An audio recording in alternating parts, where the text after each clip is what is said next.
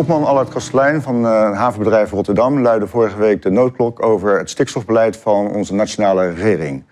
Hoogste tijd voor ons om hem uit te nodigen in onze studio en om daarover aan de tand te voelen. Allard, welkom in onze studio voor de tweede keer uh, inmiddels uh, alweer. Ehm, de aanleiding om je opnieuw uit te nodigen was jullie verkiezingsdebat van vorige week. En daarin viel me op dat dat was mijn indruk, althans, dat stikstof de boventoon voerde. En volgens mij zie, begrijp ik goed dat stikstof eigenlijk voor het havenbedrijf een nog groter dossier is dan corona op dit moment. Um, ja, wellicht wel. Hè, maar laat ik vooropstellen dat corona natuurlijk een probleem is voor de mensen, voor de bedrijven, voor de samenleving. En dat ik heel veel sympathie en empathie en, en medeleven heb met mensen die, die het raakt en, en, en uh, die de consequenties ervan moeten ervaren. Maar je kan ook zeggen dat we inmiddels wel al twaalf maanden geconfronteerd zijn met corona. En we ook onze weg weten te vinden in de samenleving, in het afstand houden. En wat we wel en niet kunnen. Um, dus, dus dat heeft een soort stabiele plek gekregen in, in, in een turbulente tijd.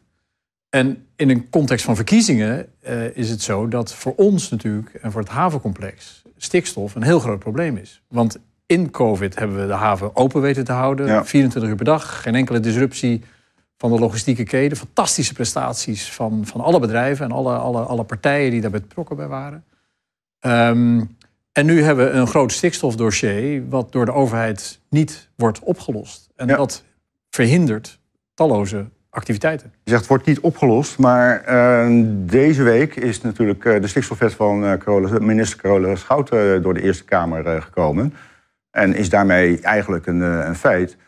maar je zegt het wordt niet opgelost. Dus wat, waarom is dat voor het havenbedrijf geen oplossing, die nieuwe wetgeving? Met een steunpakket van, wat is het ook weer? Dus 6 miljard. Ja, ja, uitstekende vraag, omdat dat het grote misverstand is. De ruimte die gecreëerd is stelt Nederland in staat om vooralsnog te blijven bouwen en te bewegen.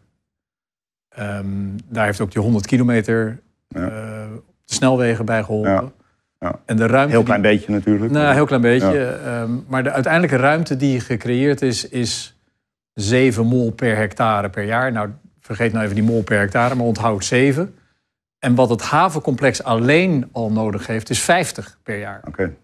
Dus de, het, het, is niet eens een, een, een, doekje voor het bloeden. Het is een, eh, een hele kleine pleister op een groot probleem voor heel Nederland. Maar totaal niet geschikt voor waar ook heel Nederland aan industriële uitdagingen voor staat. En als wij nu echt impact willen maken op de verduurzaming, wat we mhm. willen, dat weet mhm. je. Mhm. Um, dan hebben we ruimte nodig om nieuwe fabrieken te kunnen verwelkomen of te kunnen bouwen die bijdragen aan die energietransitie. En die ruimte die ontbreekt. Dus dit, deze wet is maar een heel, heel klein onderdeel van wat een totaaloplossing zou moeten zijn. Maar wat zou er dan concreet wel moeten gebeuren? Je zegt van het is eigenlijk een factor 7 te weinig voor, voor ons. Ja. Eh, hoe zou Den Haag dat kunnen, uh, kunnen tackelen, dat probleem? Wat, wat, moet er concreet gebeuren om Rotterdam weer investeringsruimte te geven? Nou ja, um, laten we vooropstellen dat de industrie al jaren beste beschikbare technologie doorvoert. Dus de uitstoot van stikstof in de industrie is jaar in jaar uit kleiner geworden en lager geworden. Als je nu de totale uitstoot van de industrie neemt op uh, wat, wat heel Nederland uitstoot, dan is dat zo'n kleine 3 procent. Dan hebben we het alleen over stikstof. Neem we alleen over stikstof. Dus, dus stikstof en industrie is maar een kleine factor. De grootste factor is landbouw. En een hele grote factor is wat van het buitenland komt binnenwaaien, om het zo maar te zeggen. En daar kunnen we niet zoveel aan doen, want we kunnen geen hek op Nederland zetten. Nee, maar dat gaat natuurlijk ook vanuit uh, ja, Rotterdam ja, gaat er wat, wat de grens over richting België. Klopt helemaal, maar daar, daar moeten we een, een, buitenlandse regering wat aan doen. Daar, daar kunnen we in Nederland niks aan doen. Maar ik wil maar stellen dat de industrie maar een heel klein onderdeel is van het grote stikstofprobleem. De landbouw het grote probleem is. Dus het is logisch dat je ook daar naartoe gaat waar je de grootste impact kunt creëren. Dat is de landbouw. Dat wil niet zeggen dat ik stel dat die landbouw gehalveerd moet worden of anderszins. Mhm. Want we zeggen ook niet tegen de industrie die moet gehalveerd worden. We zeggen ook niet tegen de gebouwde omgeving die moet gehalveerd worden. Maar je kan wel zeggen, pas naar de best mogelijke technologieën toe.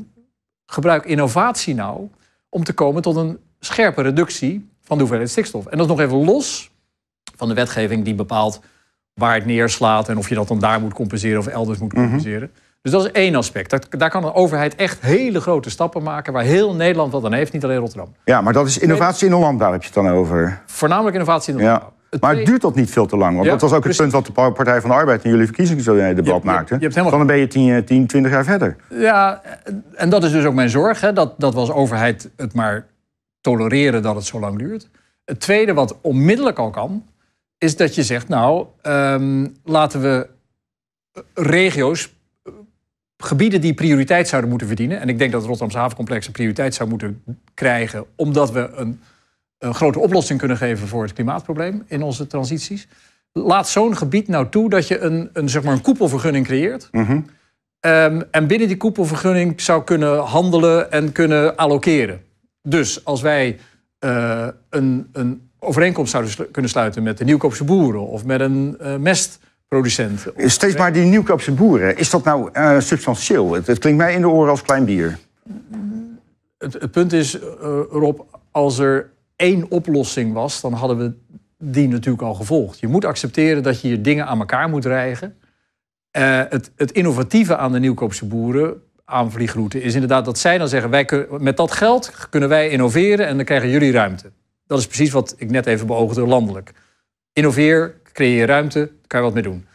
Als we een boer in Zeeland die nu mest produceert, in staat stellen te innoveren en middels die innovatie zijn uitstoot af te vangen. En wij kunnen die ruimte gebruiken om fabrieken te bouwen die ook weer bijdragen aan de verduurzaming. Dan creëer je dus een lokaal of regionale oplossing. Dus er zijn twee aanvliegroutes nodig. Er is een nationale wet en regelgeving nodig met spoed. En er is een regionale eh, ruimte nodig om bijvoorbeeld een stikstofbank op te richten. En dat willen wij nu, daar zijn we mee overlegd met de provincie. Om ons in staat te stellen een stikstofbank op te richten. Waarbij we ruimte vinden in de omgeving. En een deel van die ruimte gaat dan terug naar het herstel van de natuur. Dat is die 30% En die 70% kunnen we dan benutten om fabrieken te huisvesten. die willen bijdragen aan die verduurzaming. Ja. Ja, oké. Ehm, maar er gaat toch een hoop tijd overheen, denk ik, hè? Voordat dat eh, gaat lukken. Nou, die regionale bank die zou je morgen kunnen oprichten als eh, de regionale wet en regelgevers dat zouden eh, eh, willen omarmen. En daar zijn we dagelijks mee in overleg om dat tot stand te brengen. Dus ik heb hele goede hoop dat dat gaat komen. Het duurt mij te lang, het is te laat, het is te traag. Ja. Weet je, ik ben er echt heel assertief en ook wel een beetje teleurgesteld in hoeveel tijd de politiek hier toch voor neemt. Maar de dialogen die we nu hebben met de provincie zijn zeer positief en lijken tot resultaten gaan leiden zodat we weer ruimte gaan creëren in het havencomplex. Oké, en wanneer verwacht u dat dan? U zegt van, het gaat nu de goede kant op. Hoe, hoe Nou, lang wij is daar nog voor wij- nodig? Wij zijn concreet bezig nu met dus partijen eh, die eh, ruimte beschikbaar hebben. Dus boeren die ruimte beschikbaar hebben om die te verwerven, die ruimte. Eh, zodat we dat weer kunnen doorgeven aan de bedrijven. Dus het zijn, zijn, we zijn in gesprek al met boeren en we zijn in gesprek met provincie... om, om zo'n bank, eh, virtuele bank te kunnen gaan eh, inrichten. Ja, maar ik wil graag een, projectie, een, een datum. En dat wil, wil de kijk- Gisteren, kijker ook, gisteren wat mij betreft. Gisteren. Maar wij hebben als bedrijf al de investeringsbeslissing Dat genomen. schiet niet op gisteren. Nee, maar ik wil maar zeggen, wij, hebben als bedrijf, wij zijn bereid als bedrijf al te stappen. Dus we hebben al investeringsruimte gecreëerd. We hebben al geld gevonden om die rechten te kopen. Want het komt niet voor niets. Hè. Je praat gelijk al over de eerste eh, eh, eh, uitkoop kan al zo'n 10 miljoen kosten. En die nemen wij als havenbedrijf dan op ons. Want we gaan er ook niet vanuit dat we die kosten gelijk kunnen doorlasten aan de bedrijven. Ik ga wel een rekening neerleggen bij het Rijk. Mhm. Eh, Maar wij gaan nu al stappen zetten, bijvoorbeeld dus 10 miljoen, om rechten te kopen uit de markt. Om die dan vervolgens door te kunnen geven aan bedrijven die daarmee hun investeringsplannen kunnen vormgeven. Dat is een eerste stap van 10 miljoen, maar in, en daar komen nog vervolgstappen op. Dus dan praat je over tientallen miljoenen wat daarvoor nodig is. Nou, bij het uitblijven van een rijksregeling, ja. Maar ik, ik kan, wat je, net- wat je net zelf schetste, de, de, de negatieve consequentie van te wachten, om, om te wachten is veel groter. Ja. Je, Dan lopen we investeringen mis. Nou, Waar ik precies. wel me zorgen over maken. Precies, dat is de volgende op mijn lijstje. Eh, jij hebt gezegd dat er voor 4,5 miljard aan investeringen risico loopt.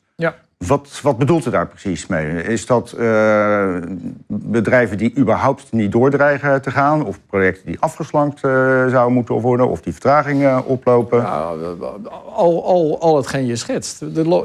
Kijk, ik zeg vaak, en dat is ook zo. We, elke, het, het, het aantrekken van een investering naar Rotterdam is een wedstrijd. We zijn niet de enige, we zijn niet de uitverkorenen. Het is niet zo dat bedrijven eh, zeggen we willen alleen maar naar Rotterdam. Nee, bedrijven zeggen altijd, we zijn geïnteresseerd in Noordwest-Europa. We overwegen wat onze opties zijn, we kijken wat de alternatieven zijn en we, we zetten die naast elkaar. Nou, als je dat nou in je achterhoofd hebt, dan is dus elk element wat niet bijdraagt aan een gunstig investeringsklimaat, is een risico. En de hoeveelheid investeringen die wij nu op ons bureau hebben liggen, die, waar ik naar kijk, bedraagt inderdaad makkelijk zo'n 4,5 miljard. En die kunnen of niet doorgaan, of gaan later door, of gaan in kleinere vorm door. Uh, uh, uh, en, en, alles wat daartussenin valt. Ja, en, dus dat zijn grote risico's. Ja, en kunnen die projecten in principe over, niet overal, maar in, het, in de omliggende buitenland uitgevoerd worden? Uitgevoerd worden? Ja. Er zijn geen projecten waarvan je zegt, nou, nou ja, Portos is natuurlijk een, een voorbeeld, maar er zijn natuurlijk toch een aantal projecten die wel op Rotterdam geënt zijn. Ja, maar dat, dat zou dus voorbij gaan aan dat element van die wedstrijd wat ik net schetste. Mhm. Als je nou een buitenlands kantoor, uh, hoofdkantoor hebt en je, je, zit in Seoul of je zit in Houston of je zit weet ik veel waar, maakt me niet uit. Dan kijk je naar die map van Europa en dan zie je Rotterdam met perfecte infrastructuur, hartstikke goede bedrijven, mooie, mooie, mooie achterlandverbindingen. Maar wij zijn niet de enige. Um, dat, dus dat bedrijf heeft altijd alternatieven. Uh, dat, is terecht en dat is logisch. Want net zo goed als wij een alternatief hebben naar welke winkel we gaan om iets te kopen of welke auto we willen rijden, heeft een bedrijf alternatieven. En natuurlijk zijn er voordelen waar we op voor uh, betreffende Rotterdam op inzetten. We zoeken voor die bereikbaarheid, diepgang, achterlandverbindingen, digitalisering. We proberen dat palet van, van elementen waar we goed in zijn alleen maar sterker te maken, zodat een bedrijf dat echt onderkent. Maar als dan lokale toppen of vergunningen het onmogelijk maken, dan zegt zo'n bedrijf: ja, ik wil door met mijn bedrijf. Ik zie Noordwest-Europa als een belangrijke markt. Dan ga ik maar een paar honderd kilometer ten noorden of ten zuiden zitten. Dus dat is de realiteit. Ja, ja duidelijk. Ehm, stel dat er uh, na de verkiezingen een coalitie tot stand komt. Uh, die wel gevoelig is uh, voor de nood van Rotterdam, zal ik maar eventjes zeggen. Ehm, dan kan het volgens mij, inclusief formatie, toch nog wel een jaar of twee duren voordat er nieuwe wetgeving is. En ik vraag me af, kunnen en willen investeerders wel zo lang wachten? Nee, dat, dat hoef je niet af te vragen. Kan je het antwoord geven? Mhm. Het antwoord is nee. Oké. Vandaar dat die stikstofbank en die, die tussentijdse uh, oplossing waar wij nu hard aan werken en die we uh, uh, in de markt willen zetten, zo essentieel is. Dus wij wachten ook niet op die overheid. Dat neemt niet weg dat ik de overheid de maat zal blijven nemen dat zij uiteindelijk de overkoepelende regelingen moeten treffen. Dat is ook de rol van de overheid. Ja. Dus die zullen dat ook moeten doen. Ja. Uh, maar we kunnen daar niet op wachten. Vandaar dat wij dus zelf al het initiatief nemen. Ah, Oké, ja, duidelijk. Um, met, welke, met welk partijprogramma zou Rotterdam het best uh, gediend zijn eigenlijk? Heeft u een stemadvies voor, uh, voor onze lezers en kijkers? nee, want dat, dat, geef ik niet. dat vind oh, wat jammer. De, de, de, individuele verantwoordelijkheid. En ik respecteer al, alle elementen van een democratie, dus dat ga ik niet doen. Ik denk als je uh, waar wij naar zoeken, en, en dat is ook de reden van zo'n havendebat, en dat is ook de reden waarom we frequent in dialoog zijn met Den Haag, is de onderkenning dat uh, Den Haag niet naar Rotterdam en het havencomplex moet kijken als oude economie. Het is nieuwe economie met enorme uitdagingen, met fenomenale innovatie, investeringen, uh, uitdagingen en bijdragen en impact op een samenleving. En dat we graag willen bewerkstelligen dat in het regeerakkoord onderkend wordt dat er in Rotterdam heel veel mogelijk is, dat er heel veel verdienvermogen gecreëerd kan worden. Maar dat dat samen zal moeten met overheid en private bedrijven. Waarbij het niet zo is dat ik tegen de overheid zeg: geef mij nou een zak met geld en dan komt het goed. Hè? We praten over concrete projecten waar een rol van een overheid een logische is. We vinden het logisch dat een overheid een snelweg aanlegt of een treinspoor aanlegt van A naar B. Dan is het ook logisch dat die rol een overheid wil spelen als we naar nieuwe infrastructuur kijken met, met CO2-afvang of met waterstof of met biomassa. Uh, of met, met de elektrificatie van de binnenvaart, dat die overheid een deel van die infrastructuur ook mede financiert. Dat is niet dat zij het alleen moeten doen, mm. maar als je in plaats van een rietje, wat nu de hoeveelheid volume is met vraag en aanbod, een dikke pijp wil aanleggen, omdat die naar de toekomst toe het meest verstandig is, ja, dan zit daar een hoop ruimte. Nou, die ruimte, daar zal een overheid dus een deel van de. de, de, de die overheid zal een deel van die ruimte moeten willen financieren aan de voor, voorkant, aan de voorfinanciering om te zorgen dat daar een rendabele investering uit kan ja, Ja, we zijn even een beetje afgedraald uh, van mijn vraag van uh, op wie zou jij nou het beste kunnen stemmen als je... Nou ja, het gaat er dus om dat je wil, je wil mensen hebben die onderkennen dat de mogelijkheden en de impact in Rotterdam belangrijk en groot is. En dat ze dat willen opnemen in een regeerakkoord. Elke regeringspartij of elke partij die dat onderkent, die zou je in een regering willen hebben. Dat kan je niet aflezen nu uit regeerakkoorden of uit, Uit, eh, partijprogramma's. Kan je niet uit Hmm. aflezen. Waar ik me in het algemeen zorgen over maak, en dat geldt voor alle programma's die ik gelezen heb, is dat bijvoorbeeld ten aanzien van de eh, wetgeving over CO2, eh, dat we, een vorige regering heeft terecht gezegd, we mikken op 49 procent, maar als Europa naar 55 gaat, gaan wij door naar 55. Dat is voorspelbaar, dat Mm. is consistent. Dan is het totaal niet consistent als nu partijen zouden zeggen, ah, Europa heeft 55, nu willen we naar 60. Dan krijg je dus het element van een onbetrouwbare overheid die telkens de panelen verschuift. Ja, ja. Daar kunnen bedrijven niet tegen. Ja, maar dat is CO2, hè? Maar, eh, maar is natuurlijk heel belangrijk. ja, is ook belangrijk, maar ik, ik wilde de- eh, het gesprek een klein beetje tot stikstof eh, beperken. Nee, kijk, over die stikstof zeggen alle bedrijven of alle regeringspartijen hetzelfde. Het moet opgelost worden. En de Ja. ene heeft het over halvering van de veestapel, het andere heeft het over andere maatregelen. Ik, dat, dat, daar ga ik niet over. Het probleem moet opgelost worden. Wij kunnen een regionale bank inzetten. Hm. Ik denk niet. Ik geloof, eh, Rob, ik geloof in doelstellingen die. ehm, dat je moet mikken op doelstellingen, niet de weg ernaartoe. Met andere woorden, je moet niet volgens mij tegen de landbouwsector zeggen je moet halveren. Je moet tegen de landbouwsector zeggen je moet je uitstoot halveren. Hoe ze daar dan komen, is aan de landbouwsector. Hetzelfde geldt voor CO2. Oké. Je moet niet zeggen eh, wij mogen. Je moet niet zeggen dat wij geen auto's mogen rijden die, die brandstoffen eh, verbranden. Je moet zeggen, je, wij mogen geen auto's rijden die geen CO2 uitstoten. en of het dan waterstof wordt of elektrisch wordt, dat maakt mij niet uit. Ja, oké. Ik wilde even naar een concreet eh, project. Een hele interessante, vind ik zelf. Eh, de eh, uitbreiding van de Amaliahaven op de, op de Maasvlakte. Hè, jullie hebben Ja. aangekondigd. Daar worden ongeveer 2,5 kilometer aan nieuwe kaders gebouwd. Eh, om mee te beginnen, even concreet. Wanneer gaat de eerste schop de grond in? Wanneer gaat de bouw daadwerkelijk van start? Die is al van start gegaan. Die is al van start gegaan. Ja. Ja. Hebben jullie eh, met stille trom eh, gedaan? Ja, nou, we zijn al begonnen met de voorbereidingen, zo moet ik het eigenlijk zeggen. Ja. We denken dat in, eh, vlak na de zomer de eerste palen de grond in gaan. Oké. Okay. maar zo zeggen. Ja, dat is altijd natuurlijk het, het, het moment. Het, het, het zichtbare moment. ja, maar we zijn al begonnen met, met grondwerken, met verleggen van, Ja. van, van wegen en dergelijke. Dus het werk is al begonnen, maar de eerste paal zal vlak na de zomer, na de bouwvak, de grond ingaan. is de Oké. Groot project. Ja. Eh, volgens mij ongeveer ter orde van grootte 300 miljoen eh, of zo. 300 miljoen, klopt. Ja, ja, ja, ja. Waarom kan dat ondanks de stikstofproblemen wel worden uitgevoerd? Omdat destijds de hele Tweede Maasvlakte al aangelegd is met een visie op hoeveel stikstof eh, eh, eh, ga je dan uitstoten. Dus de vergunningverlening is voor de, de pasuitspraak en voor de eh, eh, hernieuwde eh, zeg maar, wet en regelgeving afgegeven. Dus daar is een bestaande vergunning die gewoon voldoet aan de wettelijke verplichtingen. En die ruimte hebben wij al gecreëerd toen de vergunningen zijn aangevraagd voor de Maasvlakte. En daar zijn ook de compensatieprogramma's voor de aanleg van de Maasvlakte op Ja. eh, gebaseerd geweest. Oké. Ja, dat, Maar dat- eh, Dus dat geldt voor ons, maar dat geldt niet voor alle bedrijven die op die Maasvlakte zitten, CQ, in de toekomst willen zitten. Die Nee. hebben dus die stikstofruimte nog niet nee, want die projecten waren toen nog niet bekend eh, natuurlijk. Dus die kunnen er niet in zitten. Nee, correct. Nee, ja. Oké, duidelijk. Ehm, oh ja, ehm, k- klopt het eh, dat het project door de coronacrisis toch wat vertraging heeft opgelopen? Want volgens mij, en jullie hebben net eh, de, de aanbesteding eh, bekendgemaakt, de, de aannemer, naam van de aannemer. Ja. Wie is het ook alweer? Eh, hoogtief. Hoogtief was het, hè? Met- samen met eh, Van Oort en Ballast. En Ballast. Ja. Ja. Ehm, maar volgens mij ehm, was het plan eh, om het medio vorig jaar al aan te besteden. Nou, klopt. We hebben, we hebben iets van ruimte genomen, omdat in het begin van de COVID-crisis eh, het natuurlijk totaal onbekend was wat er nou ging gebeuren Ja. in de wereld. Ja.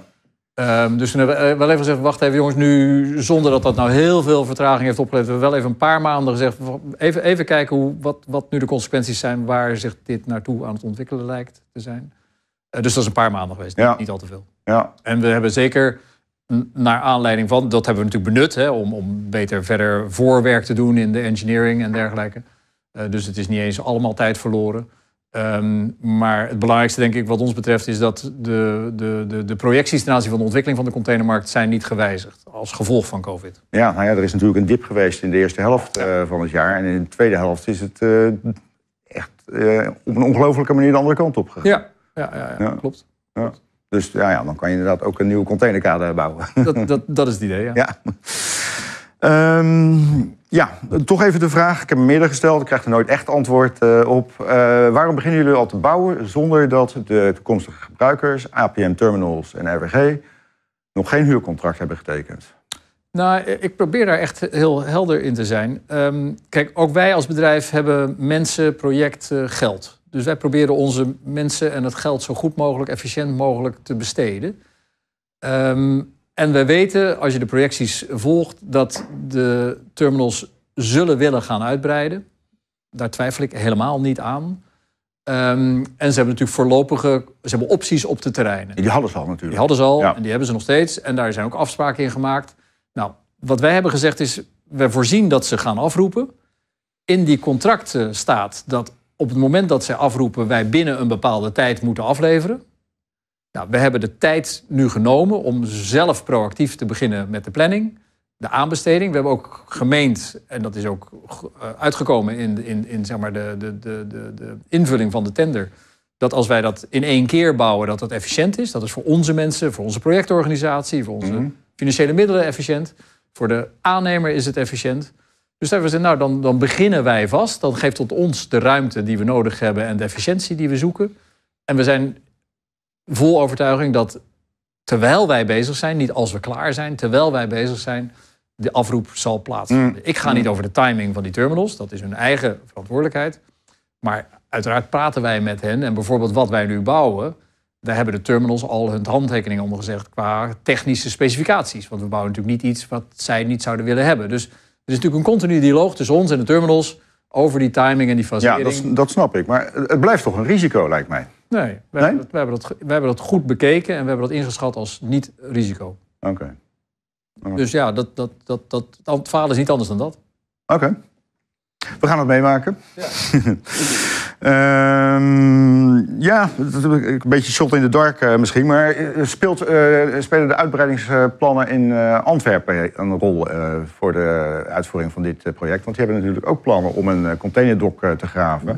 Ongeveer dezelfde capaciteit. Nee, je weet Rob, ik kijk naar ons bedrijf, ik kijk naar ons complex, naar onze faciliteiten.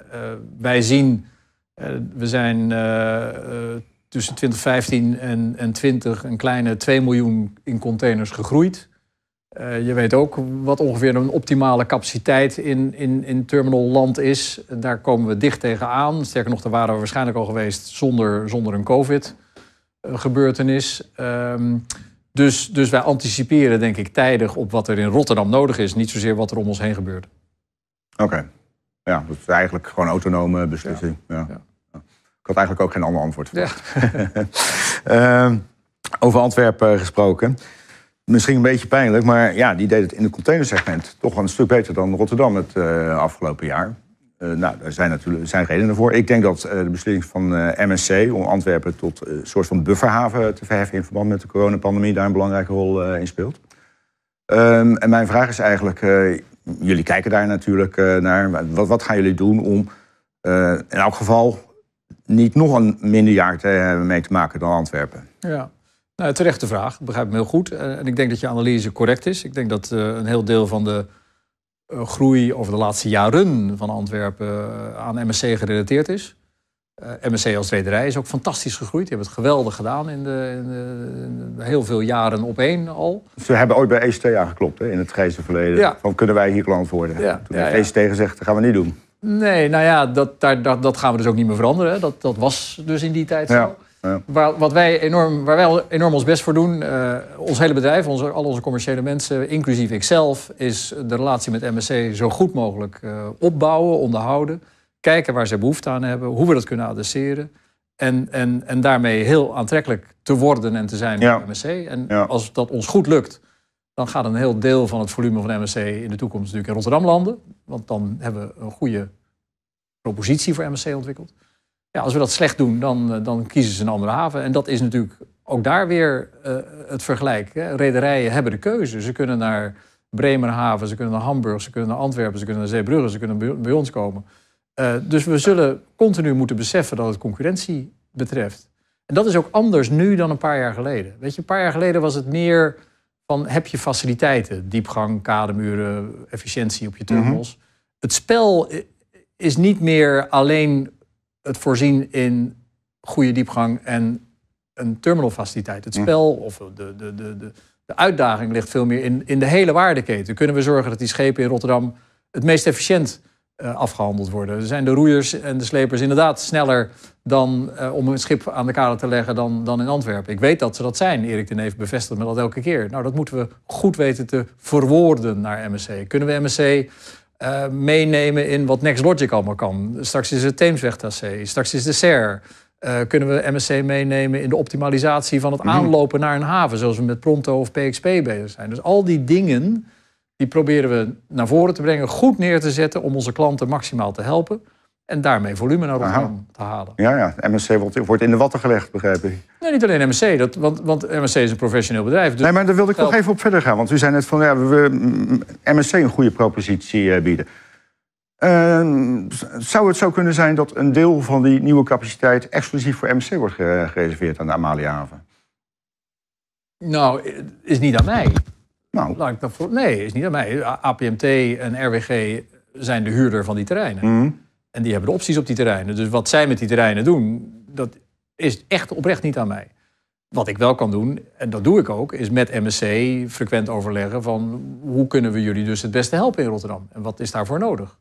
Nou, en ik hoop dat, daar, dat, daar, dat, daar, dat, dat we daar nog mooie stappen gaan maken. Laat ja, ik dan zo zeggen. Ja, en ik hoor u volgens mij zeggen van uh, we hopen toch een groter deel van het totale MSC-volume in de toekomst naar Rotterdam uh, te halen.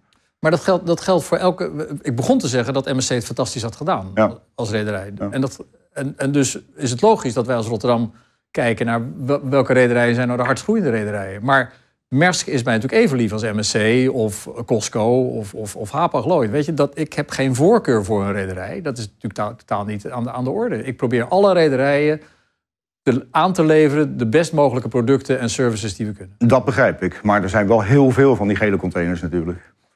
Vandaar dat ik ontzettend gespitst erop ben om zoveel mogelijk van MSC, maar ook van Maersk en Costco okay. Okay. in Rotterdam te hebben. Oké. Uh, even een ander thema. Dat schoot me net uh, later te binnen. U maakte in het verkiezingsdebat een opmerking over regio's waar veel overheidsgeld naartoe gaat. Bijvoorbeeld een regio die een kazerne is misgelopen. En dat vond ik wel een aardige steek onder water naar Vlissingen uiteraard. Maar meer algemeen is de vraag van... bent u van mening dat er uh, onevenredig veel geld naar de kleinere havens uh, wordt, uh, gaat in plaats van de mainport. Ja. Het was niet bedoeld als steek onder water. Het was meer als een, een, een wat vrolijke noot in een, in een soort serieus debat tussen politici. Maar waar ik serieus in ben, is dat ik vind dat Den Haag te veel denkt dat het in Rotterdam automatisch wel goed komt. Grote bedrijven, groot havenbedrijf, grote gemeente, uh, zichtbaar. Dat komt wel goed. Het is oude economie en het komt wel goed. Ze doen het zelf wel. En wat je in Den Haag een beetje ziet, is dat er een, toch een soort schuldgevoel is naar andere provincies, niet naar kleinere havens. Daar heb ik totaal geen moeite mee, nog uh, het beeld van. Maar uh, laten we wel zijn, natuurlijk vergt Groningen aandacht, want die hebben veel problemen gehad. Dat begrijp ik, dat is terecht. Maar het is niet zo dat, dat dan dat dat ten koste moet gaan van wat er ook in het Rotterdamse havencomplex zich moet afspelen. En hetzelfde geldt voor Zeeland. Het gaat niet om de Zeelse havens, het gaat om Zeeland als provincie. Dat, prima dat het aandacht krijgt, maar het moet niet ten koste gaan van ook de erkenning dat de uitdaging in Rotterdam giga groot is. Maar de impact van Rotterdam, het havencomplex Rotterdam, is ook heel veel groter dan welke impact je ook kunt genereren in Groningen of in Zeeland of in Gelderland of in Limburg. Dus, dus het, het zou terecht zijn als Den Haag onderkent hoe innovatief het hele havencomplex bezig is en hoezeer dat bijdraagt aan nieuw verdienvermogen. En dat daar dus ook aandacht en, en sympathie voor uh, zou moeten zijn. Ja, en u mist toch een beetje warmte in Den Haag, begrijp ik. Ja, ja dat mis ik. En ik mis dat ook bij de, de politici in de Kamer die, die gelieerd zijn, zijn aan, aan Zuid-Holland, om het zo maar te zeggen, die hier vandaan komen. Want een, ik durf echt wel te beweren dat politici die uit de uh, randprovincies komen, dat die met meer passie uh, de zaak van hun provincie verdedigen dan ik tot nu toe heb ervaren hoe de uh, Zuid-Hollands gerelateerde mm. politici dat doen mm. voor de activiteiten in Zuid-Holland. De uitdaging in Zuid-Holland is groot. Hè? De economische groei is hier achtergebleven. Uh, de woningbouwopgave is groter dan waar dan ook in Nederland. De energietransitieopgave is groter dan waar dan ook in Nederland. En de impact die we kunnen creëren is ook groter dan waar dan ook in Nederland. Dus het is niet alleen voor ons, het geldt ook voor de Universiteit Delft. Of Erasmus Universiteit. Het geldt voor de bereikbaarheid. Het geldt ook voor de maakindustrie. Ja. Het geldt voor de tuinders. Dus er is een collectieve uitdaging die, die echt de, de, de sympathie en de steun nodig heeft van het Haagse. Ja, nou ja, in de provincie wordt natuurlijk altijd gezegd... ja, waarom moet het geld altijd naar het westen? Maar goed, uh, misschien gaat die discussie iets te ver in dit verband. Nou ja, nee, maar kijk, als je dus constateert dat het havencomplex voor een kleine 20% verantwoordelijk is voor de CO2-uitstoot in Nederland, dan is het toch ook logisch dat je heel veel aandacht geeft aan daar waar het verschil echt gemaakt kan worden.